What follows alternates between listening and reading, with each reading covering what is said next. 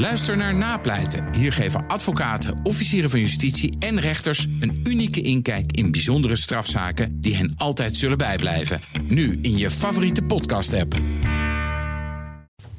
Hallo, hallo. Welkom bij BNR Europa, de podcast van Nederland over Europese zaken met blikken naar Brussel en verder buiten. Mijn naam is Geert-Jan Haan en naast mij collega-eurocommissaris Stefan de Vries. Hey, hey, bonsoir of uh, goedemorgen, wanneer en waar u ook luistert. Dit is BNR Europa en wij vragen ons af, is het nou 1G, 2G, 2G plus of 3G?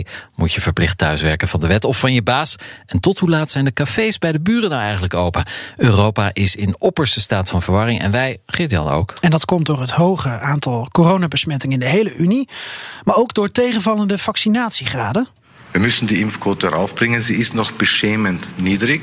Mit dieser Impfquote wird uns der Ausweg aus der Pandemie nicht gelingen. Mit dieser Impfquote werden wir im Teufelskreis stecken bleiben und zwischen Lockdown-Welle, Lockdown-Welle hin und her lavieren. Is de tijd van stoeremoed vaccinatiedrang nu aangebroken, zoals de Oostenrijkse kanselier Schallenberg hier laat weten? Dat bespreken we deze week in BNR Europa. Je kende ons voorheen natuurlijk als de Europa-podcast. We maken ook uh, wekelijks live radio en wil je als eerste het laatste Europese nieuws horen? Vol verdieping en debat. Beluister ons dan elke woensdag tussen 7 en half 8 op de ouderwetse FM of via bnr.nl of DAP+. En we reizen virtueel door Europa. Dat doen we met Renger van de Heuvel vanuit Oostenrijk, Frank Elbers vanaf de Oostelijke Balkan, Europarlementariër Sophie In het Veld vanuit Brussel en hier in de studio Italië-kenner Arthur Westijn.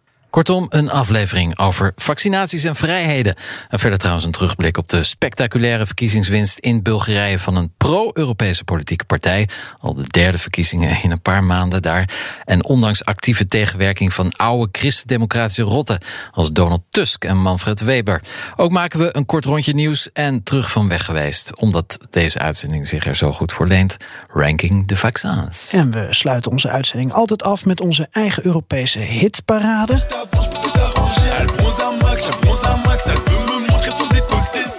Quoi? Hey, tja, wie dit nu weer zijn, dat hoor je zo. Dit is BNR Europa. Eurocommissarissen Haan en de Vries houden de Brusselse zaken scherp in de gaten. Tijd voor de Europese Week. Stefan, wat viel jou op? Heel veel nieuws om uit te kiezen. Het feit bijvoorbeeld dat de Duitse autoriteiten de certificering van Nord Stream 2 voorlopig opschorten. Spannend zeg. Spannend, ja. Dat is de pijpleiding van Rusland naar Europa. Uh, daar is veel om te doen geweest. Daar hebben we het ook al een keer over gehad in deze uitzending. Het heeft natuurlijk gevolgen voor de gasdoorvoer van Rusland naar Europa. De Europese Commissie gaat hier ook nog uh, even naar kijken. Maar wij weten dat zij dit project eigenlijk te politiek gemotiveerd vinden. Dus dat wordt nog wel spannend. Ja, maar ik krijg de indruk dat jij het toch ergens anders nog misschien iets uitgebreider over wil hebben vandaag? Ja, nou ja, even voorsorteren op uh, wat we zo meteen gaan bespreken. De Europese Commissie uh, zegt eind november met een nieuw plan te komen over de Europese QR-regels.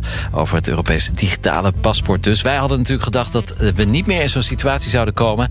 Maar blijkbaar is er toch sprake van uh, voortschrijdend inzicht. Landen zijn nu los van elkaar de definitie gevaccineerd aan het aanpassen. Dus het is weer een grote warboel.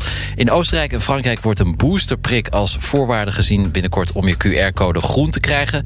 In Frankrijk dan vanaf 65 jaar. Maar wat je vooral ziet is heel veel verdeeldheid.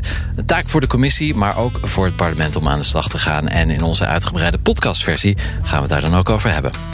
Ja, en, en Geert-Jan, in het nieuws deze week, wat viel jou op? Nou, toch wel de verkiezingswinst van een gloednieuwe partij in Bulgarije. Derde verkiezingen in zeven maanden tijd. Ik heb nog steeds niet uitgezocht of dat nou een Europees record is. Uh, misschien kun jij als man van de statistieken daar eens in gaan uh, verdiepen. Ja, nou, wel, wel knap. Elke twee maanden verkiezingen. En elke keer een andere winnaar. Ja, dat is ook verbazingwekkend, hè? En uh, dat betekent uh, weer een partij die mag proberen te formeren. Ja, wie is dat dan die, deze keer? Ja, de PP. Ja. Zegt jou niks. Gaan nee. we uh, wat meer over vertellen. Het is, het is ook eigenlijk een pro nou, pro-Europese partij. Het is liberaal, het is een beetje sociaal, het is een beetje groen. Uh, het is vooral anticorrupt. Het is eigenlijk vooral een fractie van een coalitie van een lijstverbinding of zoiets. Ja, ingewikkeld. En in die partij zit ook Volt. Ja. En uiteraard was Renier van Landschot, voorzitter van Volt Europa, ongelooflijk blij. Want dit betekent dat uh, Volt zeker één zetel in het Bulgaarse parlement krijgt, mogelijk twee. En vlak voor de uitzending stuurde hij een voicebericht aan jou en mij met een eerste reactie. Hey Geert-Jan en Stefan, hallo. Volt strijdt al jaren tegen de corrupte regering van Boyko Borisov in Bulgarije. Uh, onze voorman Nastimir was een van de leiders van het 100 dagen protest van vorig jaar. Hij is een keer uit het parlement gezet toen hij een brief uh, overhandigde in het parlement waar hij vroeg aan uh, Borisov om af te treden. En het is ontzettend mooi dat we zo'n bevlogen vertegenwoordiger nu ook in het Bulgaarse parlement hebben. Met de coalitie van We Continue to Change hebben we een mini-revolutie in politiek Bulgarije gezien. Omdat deze coalitie, die volledig tegen de corrupte overheid inging, plotseling de grootste is geworden. En Volt daarmee in de Kamer is gekomen in Bulgarije. Um, in ieder geval met Nastimir. En binnen 48 uur, afhankelijk van de districtverdeling, horen we of onze voorvrouw Vensislava uh, er ook bij, uh, bij is om hem daar te vergezellen. Dus fantastisch nieuws. We hebben twee nationale parlementen waar Volt vertegenwoordigd is. En uh, hopelijk volgen er nog veel meer. Ja, dat was uh, Renier van Landschot, voorzitter van Volt Europa... die dus nu ook een zetel hebben na Nederland in het Bulgaarse parlement. Frank Elbers, uh, correspondent in Roemenië en Bulgarije. We gaan zo met jou praten over de coronamaatregelen in jouw regio. Maar jij volgt ook vanuit uh, Sofia de verkiezingen. Hoe kan het nou dat zo'n zo'n toch wel pro-Europese partij ineens de verkiezingen wint, terwijl dat eerder dit jaar tot tweemaal toe niet lukte? Nou, in feite heeft de ene pro-Europese partij de andere verslagen. Uh, want het uh, gap van uh, Boris, Borisov wordt natuurlijk enorm gesteund door zijn partijgenoten van de Europese Volkspartij, met name Manfred Weber. En die heeft ja, nu toch definitief moet hij het stokje gaan overdragen. Hij is twaalf jaar premier geweest, heeft in april de verkiezingen verloren, wederom in juli. En nu bij de derde parlementsverkiezingen dit jaar heeft hij echt het onderspit moeten delven tegen de Harvard-econoom uh, Kirill Petkov. Uh, Borisov is van GERB, centrumrechtse partij, die uh, wel bij de Europese Volkspartij hoort. Ja, waar en hij de CDA ook lid van is. Ja, precies. En hij kreeg nog steun hè, van mannen als Donald Tusk en Manfred Weber, voorzitter van de EVP-groep. En Stefan, ik laat jou even een, een, een klein stukje horen van een Facebook-post waarin Weber nog vlak voor die uh, verkiezing Borisov even een endorsement gaf. Dear friends from the GAP party, dear Boyko, Sunday is a decisive day again. A future day for Bulgaria and for Europe. Uh, it's a third time that uh, the Bulgarians have to go to vote this year. And that is due to the irresponsible behavior of the opposition. Ja. Ja, Manfred Weber. Uh, ja, de EVP heeft wel vaker gokt op verkeerde paard. Het duurde ook heel lang voordat Viktor Orban werd uitgesloten. Maar hoe zit het nou in Europa? Is ja. dan de, de Europese familie waar je dan toe behoort, is die zo heilig dat je dus blind bent voor het feit dat, dat daar een premier zit en een partij die een jaar of tien al beschuldigd wordt van allerlei malafide corrupte praktijken. Ja, kennelijk wel. Het duurde ook jaren en jaren voordat Viktor Orban... Uh, nou, uiteindelijk is hij zelf opgestapt, maar uit de EVP ging. Uh, heel veel partijen wilden dat ook niet. En inderdaad, nu zie je weer dat, dat EVP, uh, dus de christendemocraten... ja, toch vrij blind zijn voor de, de corruptieaantijgingen van Borisov. Maar dat gebeurde ook een paar jaar geleden in Roemenië. Was er een sociaal-democratische president ook behoorlijk corrupt. En de SND-groep, ja. de Sociaaldemocraten, bleven die ook tot het bittere einde steunen. Ja. Dus je ziet dat er wel een soort van Europese politieke ruimte is. Maar ja, iedere keer wet men dus eigenlijk op het verkeerde paard. Zonder oog te hebben voor uh, basisbeginselen of basisprincipes van zo'n politieke groep. Die Roemeense sociaaldemocraat, uh, Liviu Dragnea, die moest zelfs nog de gevangenis in. Ja, precies. Uh, ja, zo sociaal en democratisch. Tot het, tot het einde. Ja, Timmermans bij de Europese verkiezingen ja. had er geloof ik ook een soort van moeite mee. Van ik moet iets met die partij, want ze leveren best wel veel zetels. Ja. ja. Hey, en Frank, uh, Petkov, de partij die verandering wil, wat is dat voor partij? Dat is een partij die pas twee uh, maanden bestaat. Uh, in feite zijn ze nu op zoek naar uh, kantoorruimte in Sofia.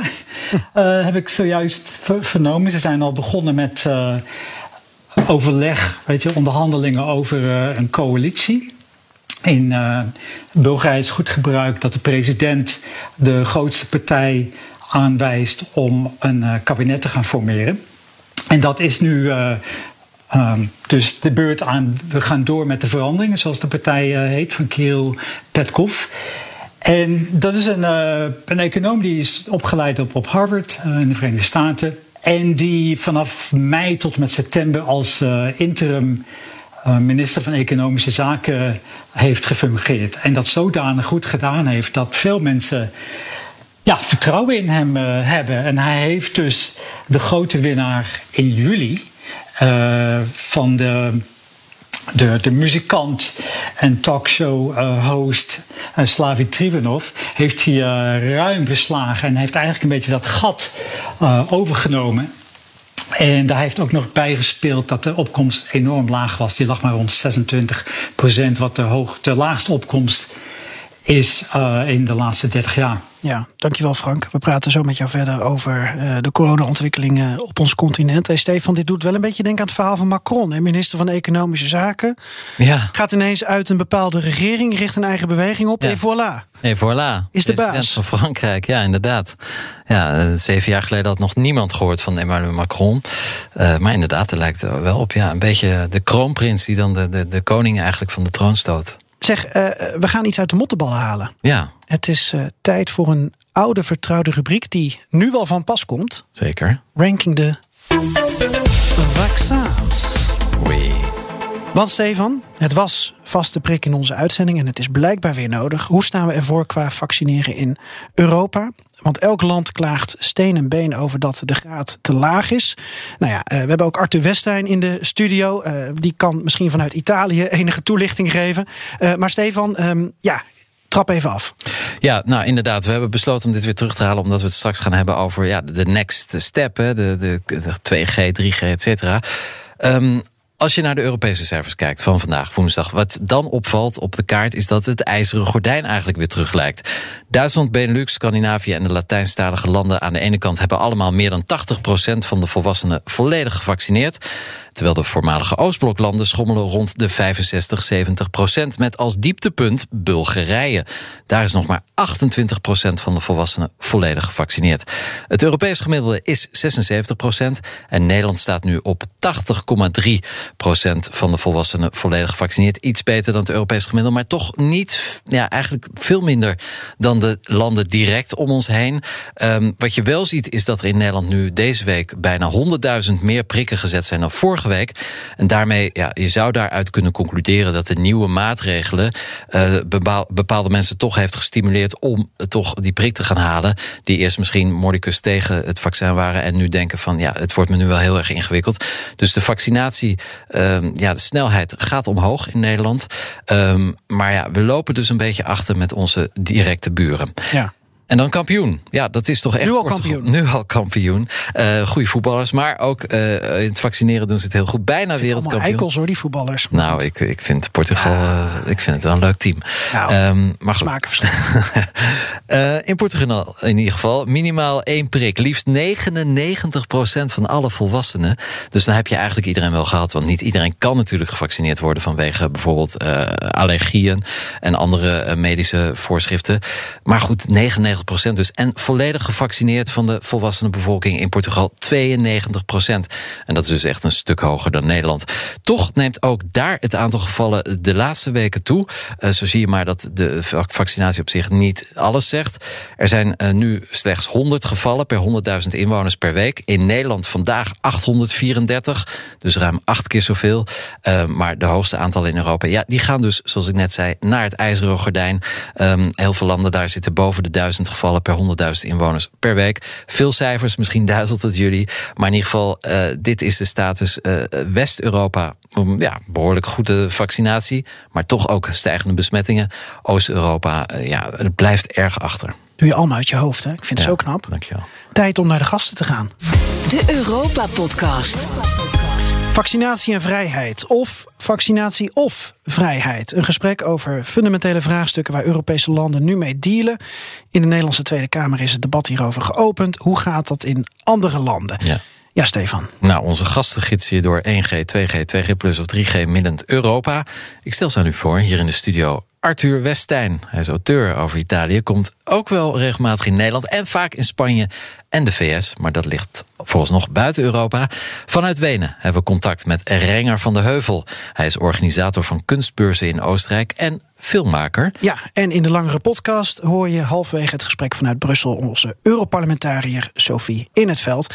En uiteraard hebben Stefan en ik en de andere gasten wellicht ook aandacht voor situatie in andere landen. Want iedereen is wielen aan het uitvinden Ja. en weer aan het leren. Ja. Ehm, Ja, uh, Stefan, mag ik jou anders eerst vragen... hoe waardevol vind je het om deze discussie te voeren... over vaccineren en vrijheid, vaccineren of vrijheid? Nou ja, dat is een vrij fundamentele discussie. Maar ik denk dat een, een ja, er wordt nu heel veel gehaast besloten.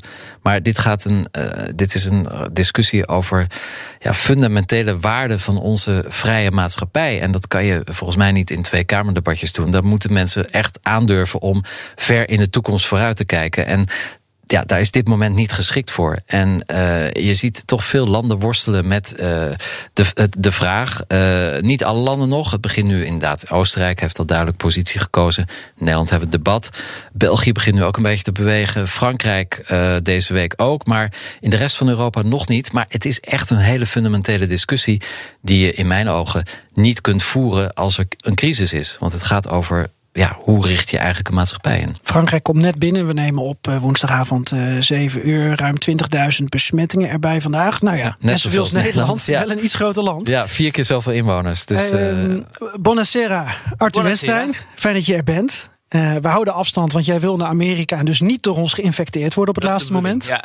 Dat is de bedoeling. Toch fijn dat je kon praten, met name over Italië, maar eigenlijk over al jouw Europese kennis. Zeg, um, dit vraagstuk, deze discussie, uh, hoe kijk je ernaar, maar ook hoe kijk je er met je Italiaanse bril naar? Nou, wat natuurlijk wel opvallend is, Italië is eigenlijk het eerste land geweest dat zo'n uh, eigenlijk coronapas heeft ingevoerd. De Il Green Pass. Ze gebruiken Il Green Pass? Uh, Engelse termen op uh, momenten die helemaal niet per se daarvoor bedoeld zijn. Maar de groene pas die hebben ze daar al in begin september verplicht gesteld voor alle ambtenaren en half oktober ook voor eigenlijk iedereen op de werkvloer.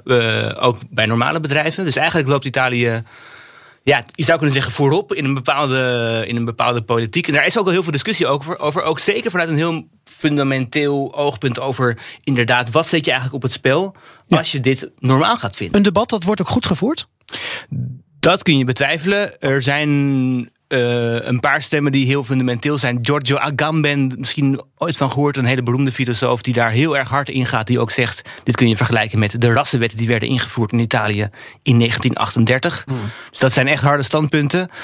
Dat, dat fundamentele debat blijft denk ik wel een beetje beperkt tot, laten we zeggen, kleine marginale groepen. Een beetje in universitaire gremia van filosofen met lange baarden.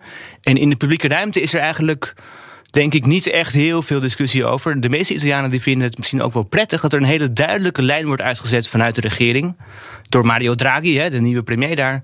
Die eigenlijk uh, geen ruimte voor discussie laat. Die gewoon zegt: wij gaan dit doen. Punt. En dat is ook wel iets waar sommige Italianen ook wel weer van houden. Ja. Ja. ja, Renger van Heuvel, jij zit in Wenen. Nou, dat land uh, deze week eigenlijk uh, is het meest extreem gebleken in de Europese aanpak. Het 2G-beleid is al in werking getreden. Mensen zonder vaccinatie mogen eigenlijk niet meer de straat op. Een lockdown. Uh, hoe pakt dat uit, Renger? Ja, in eerste plaats is het eigenlijk geleidelijk gegaan. Hè? Dus de eerste maatregelen in de, in de zin van 2G die zijn al begin vorige week aangekondigd. En daar is dan afgelopen weekend nog een keer een schep uh, bovenop ge, op, op gedaan. Um, ja, mensen mogen wel de straat op. Hè. Er zijn allerlei uitzonderingen als je naar je werk moet. Of als je essentiële boodschappen moet doen. Of als je naar de dokter moet. Hè. Dus het, in de praktijk is het niet zo zwart-wit. Het is niet zo dat nu 2 miljoen mensen opgesloten zitten. En over het algemeen, ik bedoel, er zijn natuurlijk ook politieke scheidslijnen die heel erg de standpunten bepalen. Uh, als ik op straat loop, ja, het is iets minder druk. Maar het is niet zo dat er nou een majeure schift of zo is geweest de afgelopen, afgelopen dagen. Hebben de Oostenrijkers een serieus politiek en maatschappelijk debat gevoerd? Of, of is het dit redelijk snel er doorheen gegaan? Ja, dit is er redelijk snel doorheen gegaan. Ja? En um, de, ja, oh, kijk, Oostenrijk zit in, politiek ingewikkeld in elkaar. Je hebt de Wenen met als zwaartepunt, waar de socialisten de macht hebben. Uh, landelijk is de EVP met de Groenen zijn aan het regeren. Maar eigenlijk is dat overal vrij snel doorheen gegaan. Maar wat je nu ook ziet is dat uh, de experts zeggen van ja, eigenlijk die 2G-maatregel die gaat het gewoon die gaat ons gewoon niet helpen. Want voordat de mensen zeg maar, uh, beschermd zijn na de eerste prik, dan gaat er weer een paar weken overheen. En ondertussen lopen in Oostenrijk ook de, aantallen flink op. En wat je ziet is dat op dit moment eigenlijk de discussie geopend wordt van er moet misschien toch een totale lockdown komen. Of we moeten zelfs over verplichte vaccinatie gaan praten. Dus door de stijgende aantallen en ook dat de druk ook hier op de ziekenhuizen steeds verder toeneemt, zie je eigenlijk dat de discussie al op, op het volgende stap begint te, te gaan. Ja. Frank Elbers uh, in uh, Boekarest volgens mij. Uh, Frank, jij bent correspondent in Roemenië en Bulgarije. En Oostenrijk is het extreemst. In ieder geval in onze perceptie. Maar laten we wel wezen, Roemenië had de primeur. Als eerste land was daar een soortgelijke maatregel. Maar dat werd een avondklok voor ongevaccineerden. Volgens mij vanaf begin oktober. Weten we eigenlijk al hoe dat heeft uitgepakt? Wat het effect daarvan dan is? Nou, het effect is toch wel behoorlijk uh, ingrijpend. Uh, wij zijn eigenlijk in Roemenië van een 3G naar een 2G gegaan de, de afgelopen maanden. En er geldt inderdaad al sinds een maand een avondklok voor uh, ongevaccineerden. En dat heeft wel zijn, zijn uitwerking gehad. Want de aantallen besmettingen zijn hier uh, bijna gehalveerd in de, de laatste drie weken. Ja, trek is wel dat de vaccinatiegraad in Roemenië is, is volgens mij zo'n 35 procent. Wat had jij gezien, Stefan? Ja, hè, ja precies. Ja, volledig gevaccineerd van de volwassen bevolking. Dus, 35. Maar dan ben ik wel benieuwd, Frank. Want hoe voer je dan een debat als je een lockdown invoert voor, voor twee derde van de bevolking. Want, want zo groot is het aantal ongevaccineerden. In Oostenrijk is het andersom. Daar, daar heb je een lockdown voor een derde van de bevolking. Is daar een discussie over, Frank?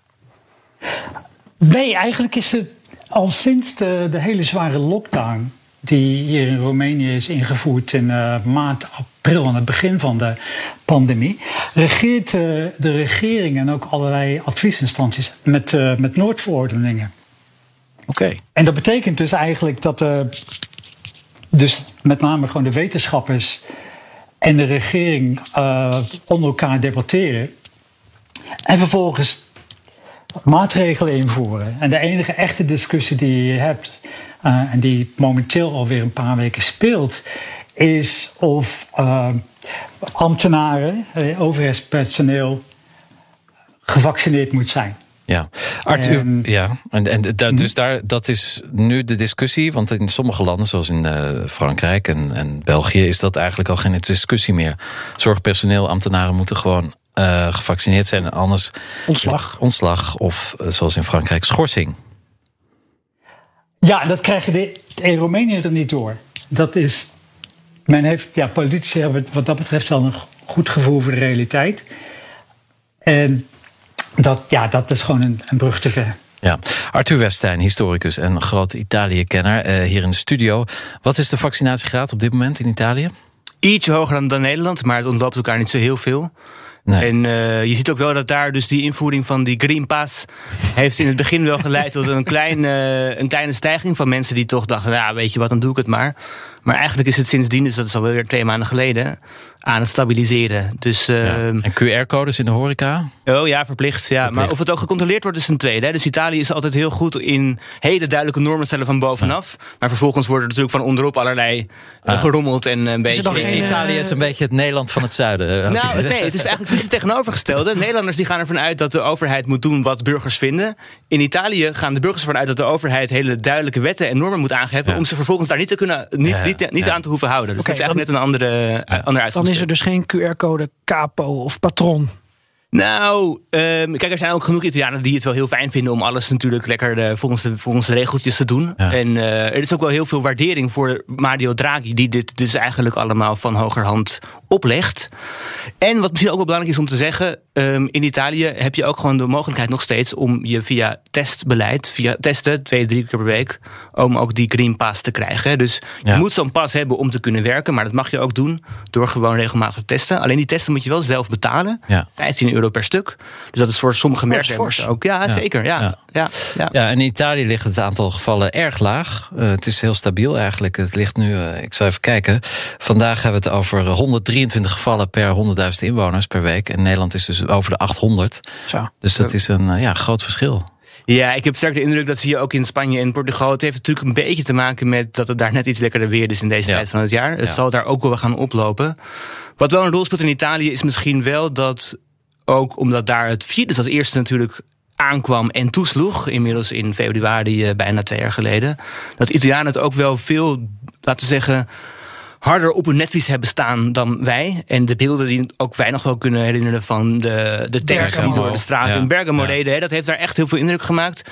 Dus in die zin is ook wel uh, de, ja, de, de, serieusheid van de situatie daar misschien... Uh, duidelijker. En wat een rol speelt in Italië is dat er heel veel eigenlijk overeenstemming is over het feit dat de economie sowieso moet worden gered kosten wat kost. Maar dat moest al voordat er corona was. Precies. En omdat Italië al zo lang in zo'n economische crisis zit, is dit eigenlijk. Eh, dit dreigde op een gegeven moment die economie echt het ravijn in te duwen. Dus nu wordt elke, elke maatregel aangegrepen om, uh, om dat te voorkomen. Ja. En, zo... dat is eigenlijk de essentie van die, van die Green Pass. Want de, het moet blijven draaien. En mensen moeten gewoon naar een werkplek kunnen blijven gaan. Ja, ik, ik snap wel dat je politici nodig hebt en wetenschappers uh, om beleid uit te stippelen of advies te geven voor beleid. Maar ik ben heel erg op zoek, ook als ik uh, hoor wat Renger en wat Frank zegt. En wat jij zegt vanuit Frankrijk, Stefan, en België hè, zien we. Ja. Ik ben heel erg op zoek naar in welk land wordt er nou echt een, een gedegen discussie gevoerd. Omdat het dus dus echt ook om fundamentele vrijheden gaat. Is er een, een discussie in Italië op dat, dat aspect van uh, ja, onze, onze vrijheden staan ook op het spel? Ja, die is er wel, maar die is, dus, die is dus erg marginaal. Die zie je weinig in de krant of op tv. Uh, die wordt ook een beetje in de marge geduwd, denk ik. Er zijn genoeg mensen die daar allerlei vraagtekens bij plaatsen. Ik denk ook terecht, want inderdaad, wat, uh, wat ook al werd gezegd, het zijn hele fundamentele vragen en discussies. Maar uiteindelijk zie je dat de meeste mensen daar denk ik toch niet echt zin in hebben. En ook vooral het politieke moment in Italië is nu dusdanig dat daar eigenlijk geen ruimte voor is.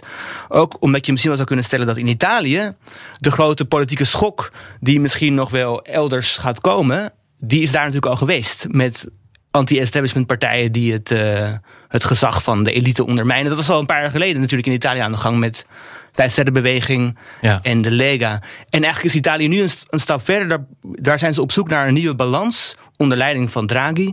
En in die zoektocht naar een nieuwe balans is er weinig behoefte om ook nog eens dit soort hele fundamentele kwesties uitgebreid te gaan bespreken in de, in de politiek en in de media en in de publieke ruimte. Stefan zit heel driftig aantekeningen te maken. Ja.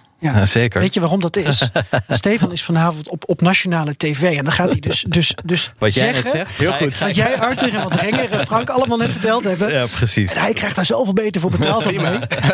Dus, nee, dus op, nee, op één is dat, hè? Even allemaal op één, ja, even kijken of het klopt. Maar nee, natuurlijk maak ik aantekenen. Want het is, het is zo'n lappendeken van allerlei dingen. Maar wat vind jij dan in één minuut? In één minuut? Nou ja, het, het is, we, we overhaasten. We nemen heel veel overhaaste beslissingen. Omdat er heel veel gebrek aan kennis is. En uh, paniek bij politici. Want natuurlijk begin uh, vorig jaar toen, of eind vorig jaar toen het vaccin was, was iedereen, nou, Hosanna, we zijn gered. En nu blijkt dat zelfs in een land als Portugal, waar dus bijna 100% van de volwassenen een prik hebben gehad, minimaal één prik, dat ook daar de besmettingen stijgen. En we komen nu dus achter dat het, dat het vaccin niet uh, de verlossing heeft gegeven. Heb je Letland meegekregen? Nee, want Politici, dat wilde ik net aan jou vragen. Ja. Politici, uh, parlementariërs en gemeenteraadsleden is het stemrecht ontnomen als ze ongevaccineerd zijn. Uitgesloten om deel te nemen aan debatten ook. Ja.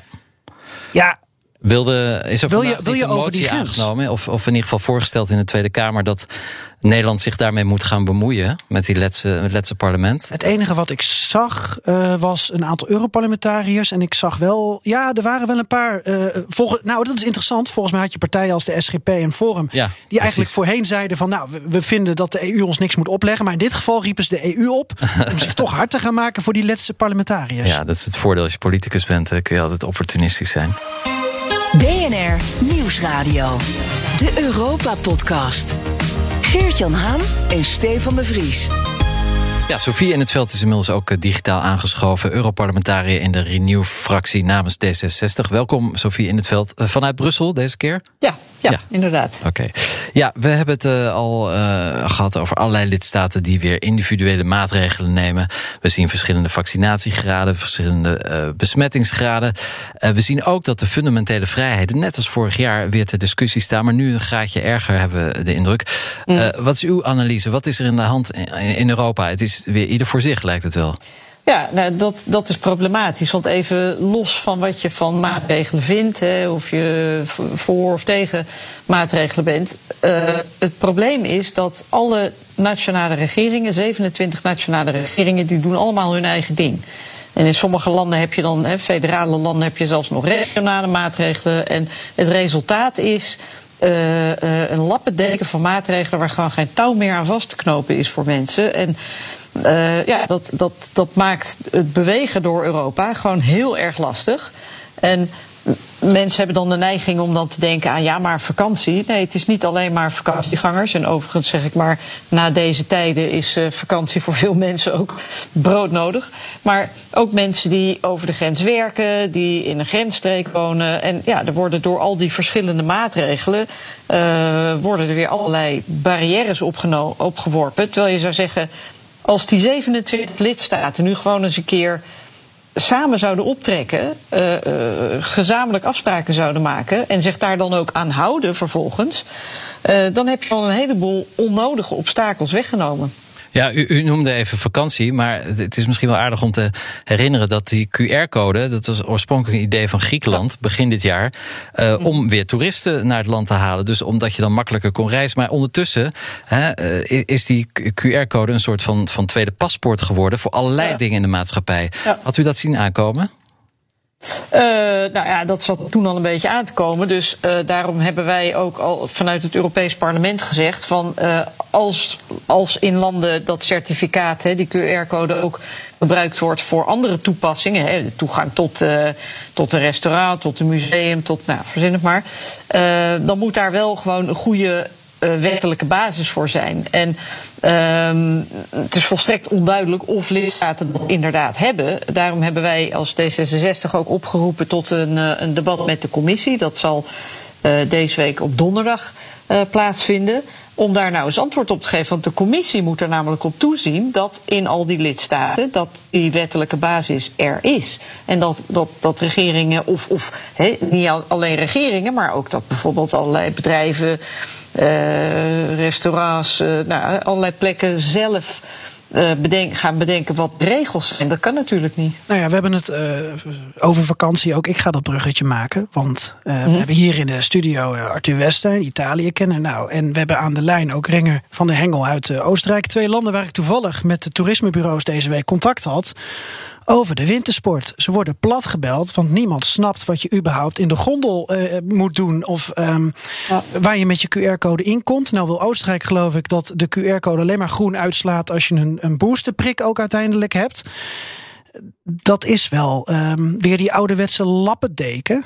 Uh, wat wilt u dan eigenlijk horen van de, van, de, van de commissie? Met welk antwoord bent u dan tevreden?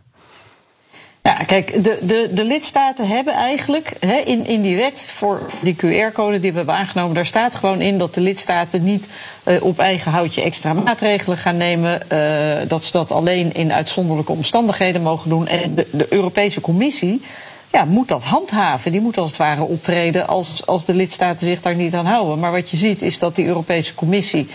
Uh, ja, nog een beetje timide is voor de, voor de lidstaten. Hè. Dat is ook een beetje wel het gevolg van ja, uh, jarenlang uh, allerlei stromingen, politieke stromingen, die zeiden nou, die, die Europese Unie die moet gewoon maar een beetje zwak zijn. Hè, die moeten we zwak houden, die Europese Commissie.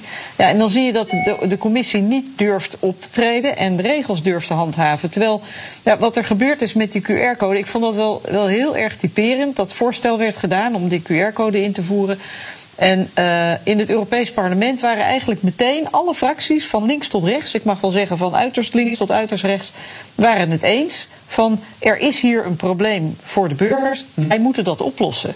Um, en we gaan de krachten bundelen om dat te doen. Dat was de eerste reflex. De eerste reflex bij de nationale regeringen was, ah ja nee, maar dat is uh, exclusieve bevoegdheid van de nationale regeringen.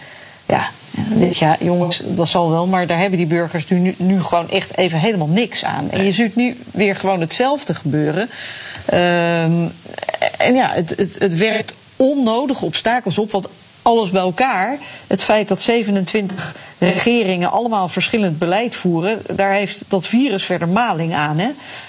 Um, dat virus die, die, die heeft geen politieke voorkeuren en die, die houdt geen debatten en zo. Uh, dus je kan maar beter gewoon als, als 27 regeringen wel gewoon dezelfde lijn vormen. En op een gegeven moment hebben de regeringen vorig jaar hebben ook gezegd, nou dat gaan we doen. Ja. Nou, de inkt op, die, op dat akkoord was nog niet droog of ze hadden het allemaal weer gebroken. dus is er, het, is, het is heel onhandig. Dit. Wij, wij zijn heel erg op zoek Um, ook, ook met behulp van onze landenexperts hier naar een land waar op een, een goede manier een debat hierover wordt gevoerd. Elk land voert andere maatregelen in op basis van wat wetenschappers en politici uh, adviseren en bepalen.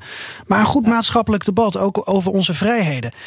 Heeft u een lidstaat in gedachten, of misschien het parlement of de commissie, waar dat debat in ieder geval een soort van voldoende wordt gevoerd?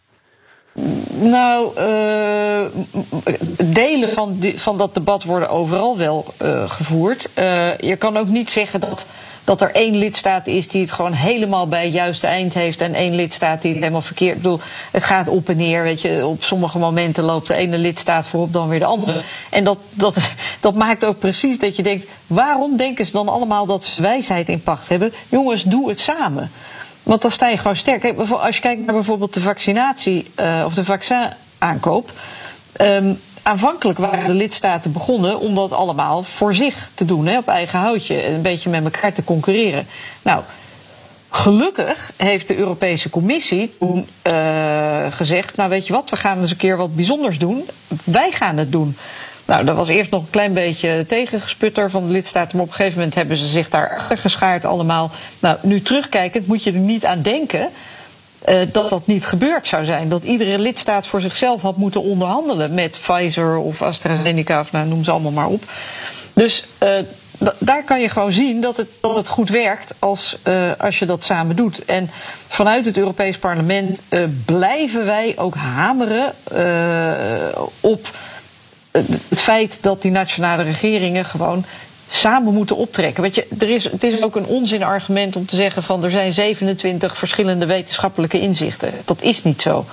Uh, he, er is echt wel consensus over hoe het in elkaar zit. Uh, ja. En je zou ja. zeggen, we hebben namelijk een soort Europees RIVM, dat bestaat. ECDC. Uh, ECDC. En uh, je zou zeggen, nou, laat hen dan de lijn uitzetten. En daar kunnen we ons dan. Hè, want bijvoorbeeld, je noemde net van. Er zijn lidstaten, Frankrijk ook, waar ze nu zeggen van. Nou ja, je, je QR-code is niet meer geldig op een gegeven moment als je geen, uh, geen boostershot hebt. Um, ja, dat is allemaal leuk en aardig. Maar dat, dat voor de Fransen is dat oké. Okay, want die kunnen dan in Frankrijk kunnen ze hun boostershot krijgen. Ja. Maar als jij naar Frankrijk wil of moet. Uh, of, of je woont in een grensstreek, of je moet reizen voor je werk of wat dan ook. En je komt uit een land waar die boostershots niet beschikbaar zijn. Ja dan heb je een probleem. Ja, dat, dat, dat is een goed punt. Want u, vorig jaar en het begin van de eh, pandemie zagen we ineens uh, zeecontainers verschijnen op de grens met Nederland en België. Ja, ik heb ze nog gezien met, met een tv erin. Gezien. Ja, ja. Uh, ook andere grenzen gingen dicht. Dat was de eerste reflex. Hè. Er is een virus, ja. ja. gooi de grens met een container. Met een container in het geval van België. Um, is zo'n probleem opnieuw te verwachten dat Schengen, ja, dat is eigenlijk al een soort van hersendood kindje. Um, ja, gaan we daar Schengen ligt behoorlijk op de intensive care. Ja, ja inderdaad. absoluut. Um, um, gaan we daar weer problemen mee krijgen? Dat op een gegeven moment weer landen zeggen van nou, uh, Nederlanders ook met een vaccinatie kom je er gewoon niet meer in? Uh, ja, nou kijk, ik denk niet dat ze de grens fysiek meer gaan dichtgooien, maar dat hoeft ook niet. Want als je, als je 27 verschillende regimes hebt als het gaat over QR-codes, vaccinaties, testen enzovoort enzovoort. En, en ook alle leeftijden die verschillen. Weet je, in het ene land is het mondmaskertjes vanaf acht jaar en in het andere land is het uh, vaccineren vanaf 18. Ik bedoel, ja, die verschillen die vormen een grens. En die vormen een hardere grens dan als er controleposten staan. Ja. Ja. En dat is, uh, dat, is, dat is heel frustrerend. En het, het punt is ook een beetje dat Um, je kan zeggen van, nou ja, wat maakt het uit? Op een gegeven moment dan gaat die pandemie wel weer voorbij. En dan, uh, dan, wordt, dan, dan, dan trekt iedereen weer gezamenlijk op. Maar zo simpel is het niet. Want deze reflex die je ziet van de nationale regeringen... die zie je op eigenlijk alle terreinen. Of het gaat over covid, of het gaat over migratie, de rechtsstaat... veilig klimaat, uh, noem het allemaal maar op. Um, en covid laat dus eigenlijk heel tot wat. Ja. Uh, Mevrouw in het veld, volgens mij zit het corona. Dat is. Uw, uw, uw digitale lijn is met het coronavirus momenteel heel even besmet. Want we hebben wat, wat haperingen.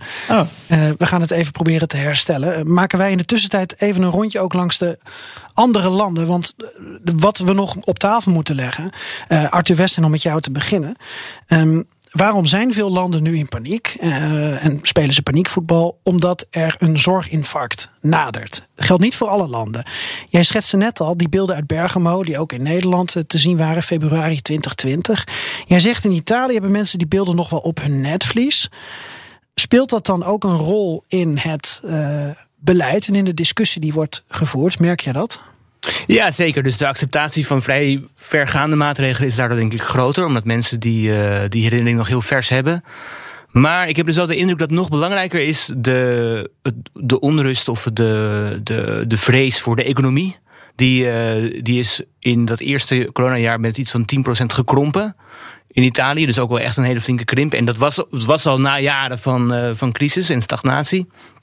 Nou, nu is eigenlijk alle hens aan dek om die economie weer een beetje uit het stop te krijgen. Dat is voor Italië echt het allerbelangrijkste. En dat zie je ook wel in de discussie die er wordt gevoerd, voor zover die wordt gevoerd, dat het eigenlijk heel vaak daarom gaat. Van we moeten gewoon alles doen, nu even niet zeuren, want gewoon mensen kunnen, moeten naar hun werk kunnen gaan zonder dat alles instort. Want het risico is natuurlijk niet alleen maar een mogelijk zorginfarct, maar ook gewoon dat heel veel mensen zich ziek gaan melden. En dan krijg je ook uh, gesloten fabrieken en dergelijke. Dus dat is een beetje waar Italië nu vooral uh, druk over aan het discussiëren is. Ja, Frank Elbers, bij jou in Roemenië is, is Bergamo nu wel een feit. Want de zorg is volledig in elkaar gedonderd. Die was al niet best in Roemenië. Dat hele zorgstelsel was al zo corrupt als de pest. Maar is gewoon echt onder corona bezweken. Heeft corona die, die, die problemen eh, met die zorg dus bevestigd? En speelt dat een rol in de discussie? Corona heeft die, dat absoluut bevestigd. Het is natuurlijk al jaren bekend dat hier de zorg uh, een ondergeschoven kindje is. Um, u herinnert zich waarschijnlijk wel de, de grote brand in een nachtclub uh, collectief uh, zes jaar geleden. Ja, discotheek, ja, Boekarest. Ja, en dat is er niet beter op geworden. En aan het eind van vorig jaar was er een eerste brand in een intensive care uh, hospitaal in het noorden van het land. Inmiddels zijn er nog drie andere geweest. In, uh, ironisch genoeg in alle delen van het land, niet alleen in Boekarest of, of zeg maar in de, in de provincie. En ja, dat blijft gewoon een enorm probleem. En, en dat is ook de grote oproep die, die met name de, de vaccinatietsaar uh, Georgetsu uh, nu doet. Ook van ja, mensen, mensen, ga je alsjeblieft laten inenten. Want de zorg kan het gewoon niet meer aan. Ja, Sophie in het veld, Europarlementariër. Als u Ursula von der Leyen hoort spreken over uh, nou, dat we het goed doen in Europa, dat 70% is gevaccineerd uh, rond de zomer, dat was ook het doel. Heeft u de indruk dat Ursula von der Leyen zich genoeg bewust is van het feit dat uh, de Europese Unie groter is dan alleen West-Europa? Um, nou ja, deze, de, de, dit, is, dit is een kritiek die je inderdaad uh, kan hebben. Dat ze daarbij, als je naar de gemiddelde kijkt, dan, dan ziet het er best aardig uit. Maar uh, als je kijkt wat de spreiding is, dan is er uh, heel duidelijk een probleem. Moet er wel bij zeggen, er wordt altijd gezegd Europa, Europa. Kijk, de Europese Unie heeft nu, dus de Europese Commissie zeg maar, heeft de inkoop van vaccins gedaan. maar de, de, de vaccinatieprogramma's, dat is gewoon puur een nationale competentie. Daar gaat de Europese Unie helemaal niet over. Uh, dus als het ergens niet goed gaat, ja, dan kan je dat niet de Europese Commissie aanwrijven. Uh, maar ik denk wel dat we die discussie moeten gaan hebben over hoe zorgen we dat. Als wij met z'n allen Europese burgers zijn, we hebben met z'n allen Europese burgerrechten, we hebben ook recht op uh, een, een, een, een hoog niveau, hè, kwalitatief hoog niveau van gezondheidszorg, dan, dan is het toch eigenlijk niet te verkopen dat je in één land een veel groter risico hebt op ziekte en overlijden dan in een ander land. En dat geldt natuurlijk niet alleen voor COVID. Alleen COVID legt het nu wel heel erg bloot. Dus ik denk wel dat we. Het is net als dat je zegt. Uh, bijvoorbeeld de kwaliteit van, uh, van voedsel of van uh, speelgoed of de veiligheid van auto's. Daar, daar hebben we allemaal normen voor. Want wij vinden dat in heel Europa dat mensen recht hebben op veilig voedsel. Nou, laten we die discussie ook eens een keer hebben over, uh, over dit soort zaken, over gezondheidszorg. Dat is toch wel echt heel erg elementair. Ja, dan, dan stel ik dezelfde vraag even aan Renger van den Heuvel in Oostenrijk. Renger, hoe anders is de situatie bij jou dan in Nederland? Want je zou op basis van de uh, enorm strenge maatregelen in Oostenrijk, zou je denken dat er bij jullie een enorm zorginfarct op komst is. Is dat ook zo en speelt dat een rol in de discussie? Uh, dat speelt uh, zeker een uh, rol. Maar wat in Oostenrijk ook zeker speelt, is dat eigenlijk per Bundesland uh, er ook een ander beleid uh, wordt gevoerd. En je ziet ook hele interessante verschillen tussen de Bundesländer. En ik woon dan zelf toevallig in Ween. En daar is een burgemeester die echt ook voor de, voor de volksgezondheid staat. En die ook zijn burgers wil beschermen. En die eigenlijk ook uh, in de zomerperiode, toen eigenlijk iedereen ja, in een soort van Hosanna-stemming kwam, ook de burgers scherp hield. En dat zie je ook in de aantallen, zeg maar, in Wenen terug. Maar hij is ook degene die eigenlijk nu het meest harde beleid durft te voeren. Maar dat zijn voor, voor hem eigenlijk offers die hij moet maken om ervoor te zorgen dat uh, ja, de burgers beschermd worden en uiteindelijk ook het zorg uh, niet overbelast wordt. Maar het is niet alleen zorgbelasting. ja. Maar de, de maatregelen die de regering nu oplegt met 2G en een lockdown voor ongevaccineerden, brengt dat maatschappelijke spanning met zich mee? Ja, wij moeten toch wel denken aan die grote radicaalrechtse uh, flank en groepering die Oostenrijk heeft, de FPE. Ja, daar, ik bedoel, daar zitten veel tegenstanders hè, van, van, van 2G en het verplicht vaccineren. En er is ook voor aanstaande zaterdag een, een demonstratie aangekondigd in Wenen. Uh, toevallig is de leider van de FPE heeft zelf op dit moment uh, COVID, dus die kan er niet bij zijn. Um, maar en wat Schallenberg, zeg maar de, de minister-president van Oostenrijk, ook zegt, hij doet dit ook echt, die 2G, om ervoor te zorgen dat meer mensen zich laten vaccineren. Er is ook een bepaald effect. Inmiddels kun je in Wenen ook al je derde prik uh, gaan halen. Dus het zijn wel effecten, maar de experts zeggen tegelijkertijd, het zal niet voldoende zijn. En daardoor neemt hij eigenlijk landelijk de druk toe op nog meer maatregelen. En er zal een vrijdag waarschijnlijk, want er is een overleg tussen alle boendeslanden en de minister-president en de gezondheidsminister, waarschijnlijk ligt daar gewoon een nieuwe lockdown op tafel. Ja. Ja, waarom is die vaccinatiegraad in Oostenrijk eigenlijk zo uh, onder het EU-gemiddelde? Ja, dat heeft er waarschijnlijk mee te maken dat vanuit bepaalde groeperingen uh, daartegen stemming gemaakt is. Hè. Er is ook een onderzoek gehouden. Het blijkt dat FPE-stemmers en uh, mensen die niet stemmen, dat daar de vaccinatiebereidheid ongeveer op 50% lag. En bij andere partijen op 70%. Uh, en wat ook blijkt nu is dat eigenlijk in de zomer uh, vanuit de landelijke regering de, de campagne om mensen te stimuleren zich te laten vaccineren, uh, ja, hebben ze gewoon die budgetten drastisch omlaag geschroefd. Dus er zijn ook een aantal tactische blunders waarschijnlijk gemaakt. Misschien kan ik mijn collega's in de studio hier nog een vraag stellen waar ik ook echt mee zit, namelijk de component religie. Want ik dacht altijd als je naar Nederland kijkt en het Nederlandse nieuws, uh, de Bijbelbelt, uh, ja, daar zit een, een, een, probleem als je het hebt over mensen die zich minder willen laten vaccineren. Roemenië, Bulgarije, kijk je naar de, de orthodoxe priesters die daar een zware stempel op drukken. Tegelijkertijd, katholicisme, heren, thuis in Italië en Frankrijk. Ja. Spanje en Portugal gaat als een malle qua vaccineren. Beieren en Oostenrijk minder. Frankrijk en Italië op en af. Ja, er valt geen pijl op te trekken. Mm.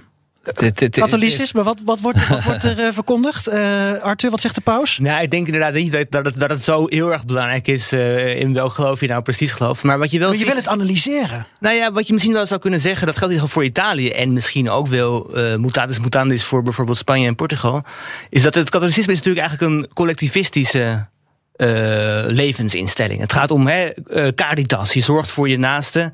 En het individu is veel minder belangrijk dan in een atheïstische of misschien ook wel protestantse context als de onze. Ah, take one for the team. En, precies, dat betekent ook dat is de discussie in Italië en ik denk ook wel in Spanje minder gaat over individuele vrijheden die je op zou geven, maar meer om wat moet het collectief accepteren om ook als collectief te kunnen overleven? Misschien de component autoriteit speelt toch ook een rol. Hè? Je zag het in Frankrijk, waar um, Emmanuel Macron, dus de plaatsvervanger van God op aarde, uh, zei dat hij overwoog om vaccinatieplicht in te voeren. En meteen de dagen daarna miljoenen Fransen die zich eerst niet wilden laten vaccineren, gingen zich laten prikken. En uh, in Frankrijk liep, liep heel erg achter begin deze zomer met prikken. En in no time uh, waren ze Nederland voorbijgestreefd, omdat dus een autoriteit zei je moet prikken. In, in Portugal heeft het leger dit opgepakt. Uh, het is een, een, militaire operatie geweest. Ook best in Italië ook. In ja. Italië ook. Heb ja. je ook zo'n generaal strak in het, ja. uh, in het uniform dus, die dit allemaal aanstuurt. Dus misschien is dat het geheim. Uh, autoriteit werkt nog een beetje in die landen. Als, je, als je van bovenaf iets oplegt, dat, dan gebeurt het ook. Maar goed, dit is psychologie, de, psychologie du comptoir, zoals je het in het Frans zegt. maar ja, de, als je kijkt puur naar de cijfers, dan kan je toch niet echt een correlatie zien tussen religie en vaccinatiegraad. Renger van de Heuvel in Oostenrijk, heb, heb jij de, de, de vinger op deze plek kunnen leggen? Katholicisme, autoriteit? Uh, nou, Oostenrijk is een uh, door en door katholiek land. Uh, ik denk dat het ook gewoon te maken heeft met beleid en met leiderschap. En ehm, ik zie dat heel sterk in Wenen terug. Niet zozeer dan in de vaccinatiegraad, maar wel in die incidentie. Die in Wenen bijvoorbeeld maar een derde is dan in een van de andere Bundeslanden, Ober-Österreich of Salzburg. En Uh, eigenlijk de Bundesländer die het beste doen, dat zijn Wenen en, en Burgerland. Burgerland heeft dan nog wel boven de 70 uh, vaccinatiegraad. Uh, dat zijn dan toevallig uh, bij de socialistische leiders. Uh, bedoel, die variant zou je ook nog kunnen onderzoeken.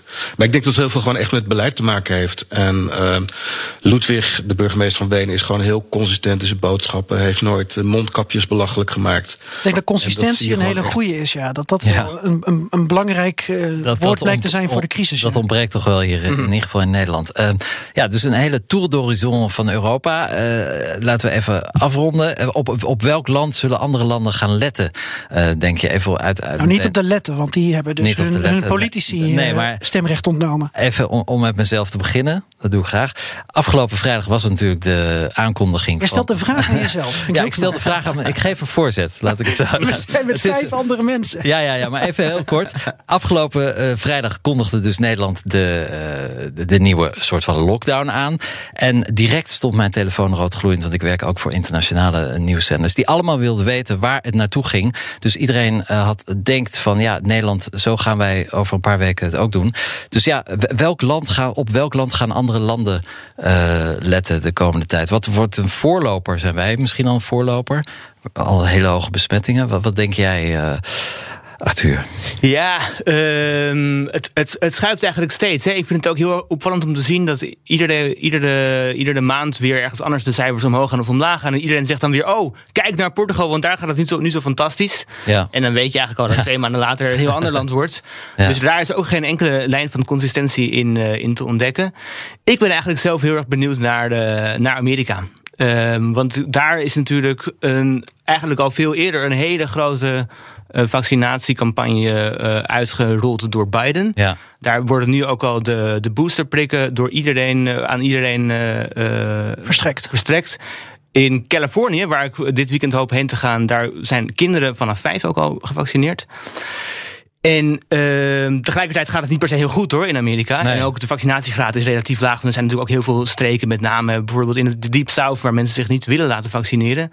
Ja. Maar ik denk toch dat het ook op dit, op dit uh, op, op, op dit punt, ook omdat Amerika natuurlijk als federatie zo extreem veel verschillende gebieden in zich verenigt, in wezen net als de Europese Unie, dat we ja. ook wel daarnaar moeten blijven kijken om te zien hoe dat eigenlijk uh, gaat uitpakken. En ook natuurlijk met heel veel politieke spanning. Ja. Want die spanning is daar alleen ja. nog maar aan het groeien en groeien. Daar borrelt nog steeds heel veel onder de oppervlakte.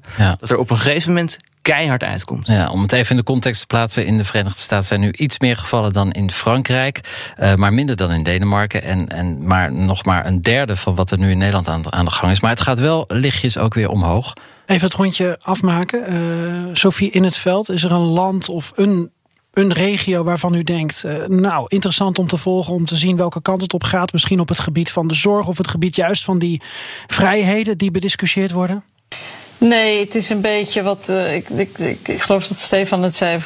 Van, het, het, gaat, het is voortdurend. Hè, dan loopt de ene weer voor, dan loopt de andere weer voor. En het gekke is dat die, al die regeringen die zeggen: Nou, we doen het allemaal apart hoor. We willen absoluut niet afstemmen. Maar dan vervolgens kijken ze wel naar elkaar. Van wat, uh, wat gebeurt er? Het is een beetje, ik noem dat een beetje het, het, het uh, Eurovisie Songfestival effect. Uh, de, de, muziek is niks, maar niemand wil laatste zijn. Er zit wel een soort competitie. Uh, Komt niet aan het Eurovisie Songfestival, de BNR nee. maar wat ik, ik kijk vooral naar. allereerst heb ik natuurlijk gewoon zorgen over inderdaad landen als Bulgarije en, en Roemenië. Want je, je kan van alles vinden van de regeringen daar. Maar uiteindelijk zijn het wel gewoon de mensen die de prijs betalen.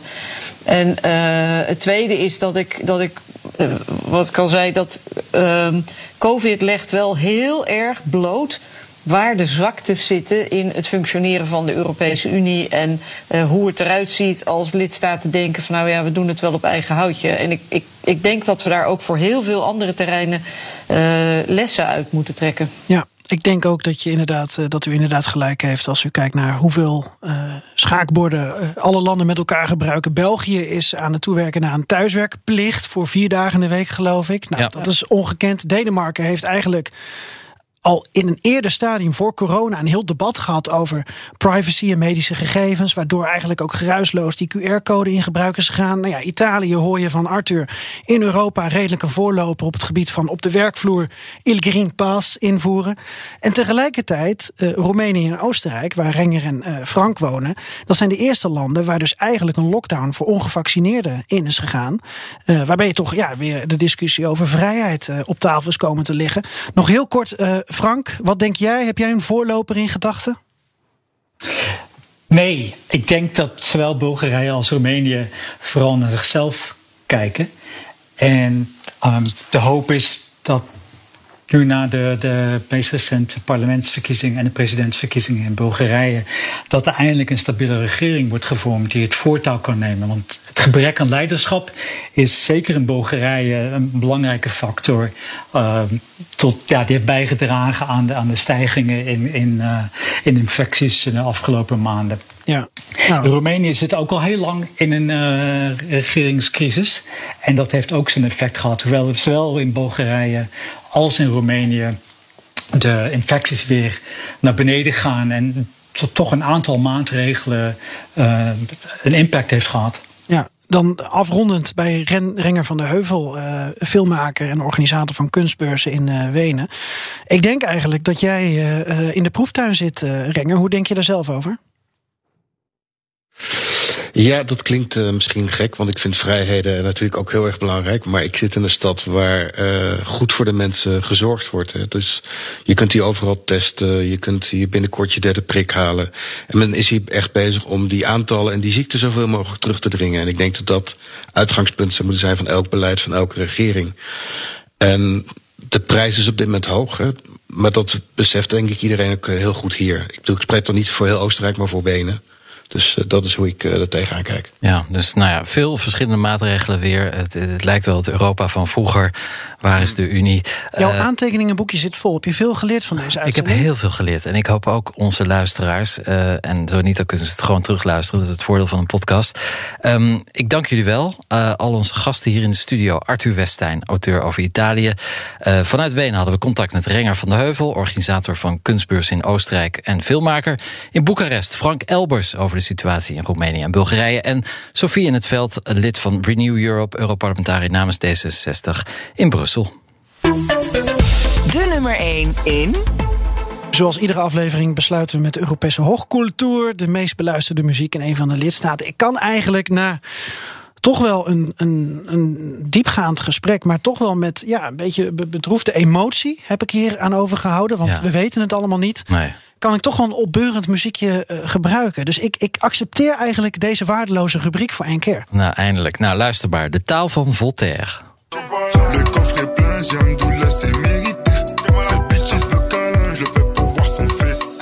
Dit is uh, Le Classico Organisé, een collectief van liefst 157 rappers uit Parijs en Marseille. En ja, dat is zoiets als Amsterdam tegen Rotterdam, de nummer 1 tegen de nummer 2. Eeuwige rivaliteit. Het komt vooral tot uiting in voetbal. Maar nu dus niet. Hebben ze besloten om de, de ja, de, krachten te bundelen. En dan krijg je dit soort uh. Zo heet deze band dus. 157 rappers uit Parijs en Marseille. Le Classico Organisé. En deze week dus bestormen zij de Franse hitlijsten. En wil je dit nummer nou langer horen? Dat kan in onze playlist op Spotify met alle nummers uit uh, dit programma, alle nummer 1. En uh, dan zoek je op BNR Europa nummer 1. En de link staat ook in onze show notes. Je luistert naar de Europa-podcast, maar we zijn ook een FM-programma elke woensdagavond om 7 uur live op BNR. Dank voor het luisteren. Volgende week woensdag zijn we weer. Jazeker. En dan komen we vanuit het Hol van de Leeuw in het Europees Parlement in Straatsburg. À la prochaine. Aito.